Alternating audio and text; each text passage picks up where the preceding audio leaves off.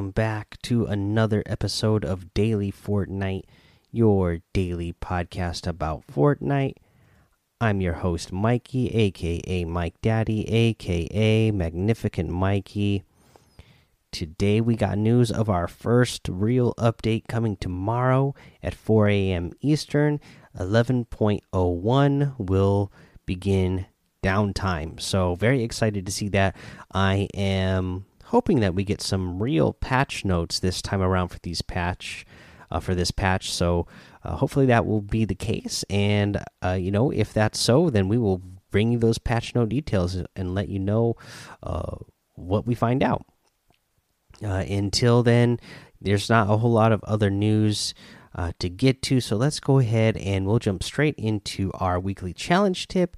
And for this challenge tip, this is the one where you need to deal damage uh, within 10 seconds of leaving a hideout. I believe you need to deal 150 damage in total.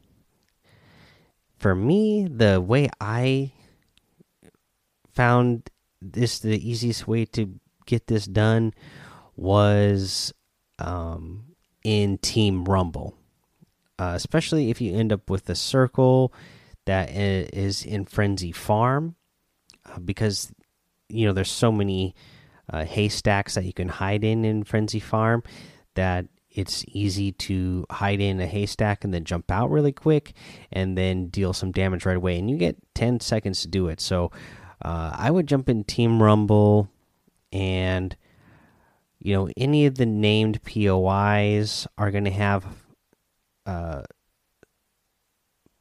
places that you can hide in.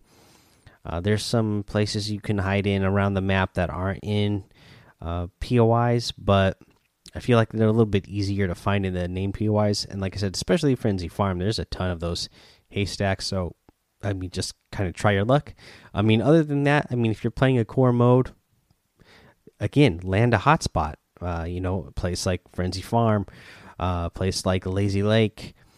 Um, you, are going to want to land in one of those types of places that have multiple hiding locations and that will have a lot of people landing there.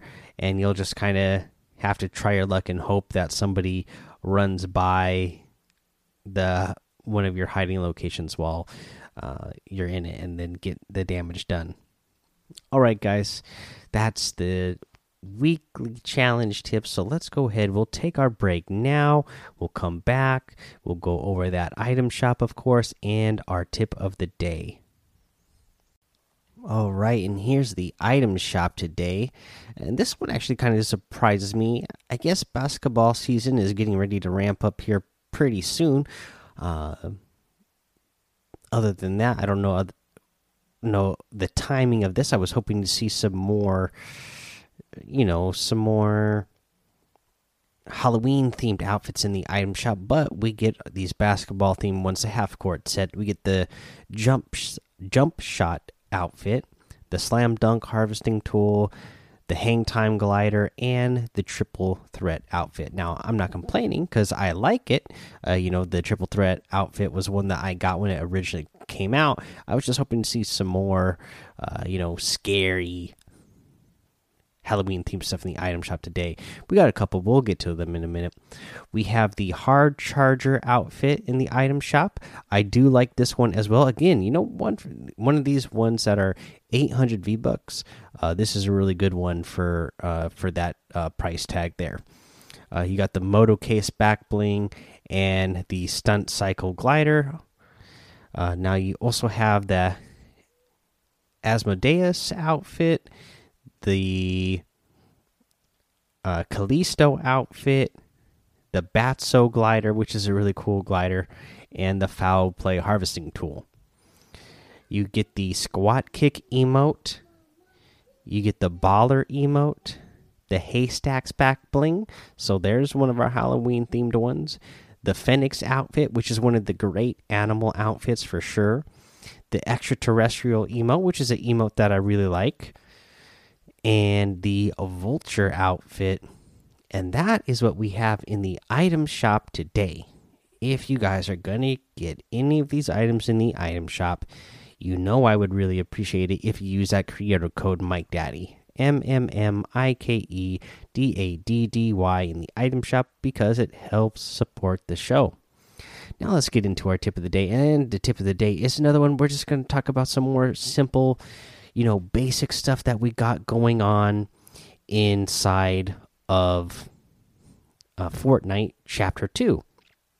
And one of the other real basic things that we have, uh, you know, is a simple change to a weapon that makes it a lot better, and that is the pistol. Wow.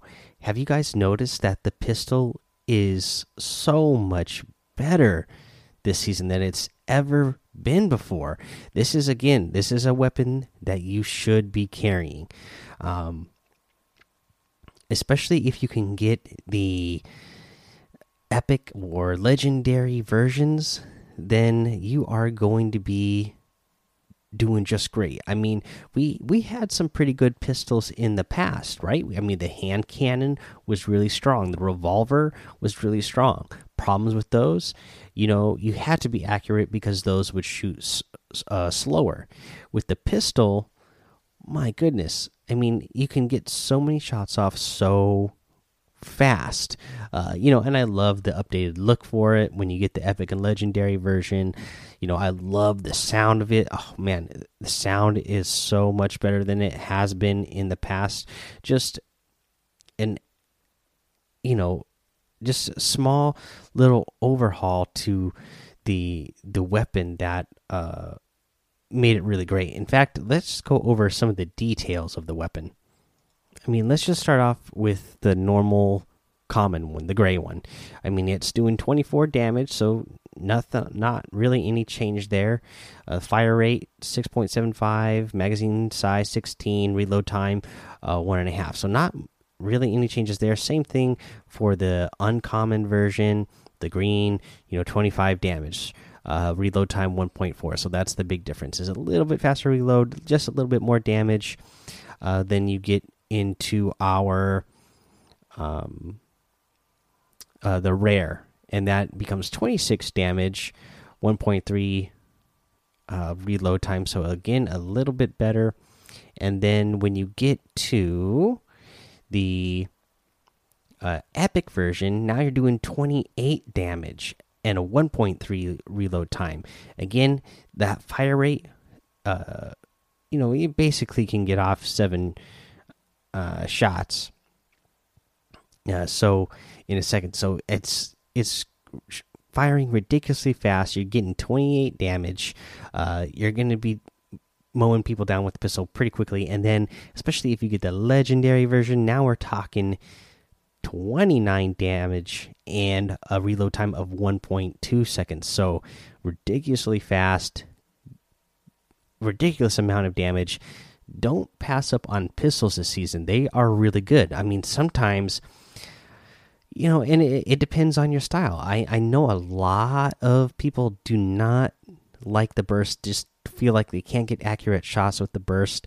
Uh, you know, maybe carry the pistol, put that in place of your of your AR. If you if you if you're at the very beginning of a match and all you have uh, is for AR is your burst assault rifle, then go ahead. Uh, you know, if you see that pistol laying on the ground, pick it up and maybe use that in the meantime until you get yourself the regular AR.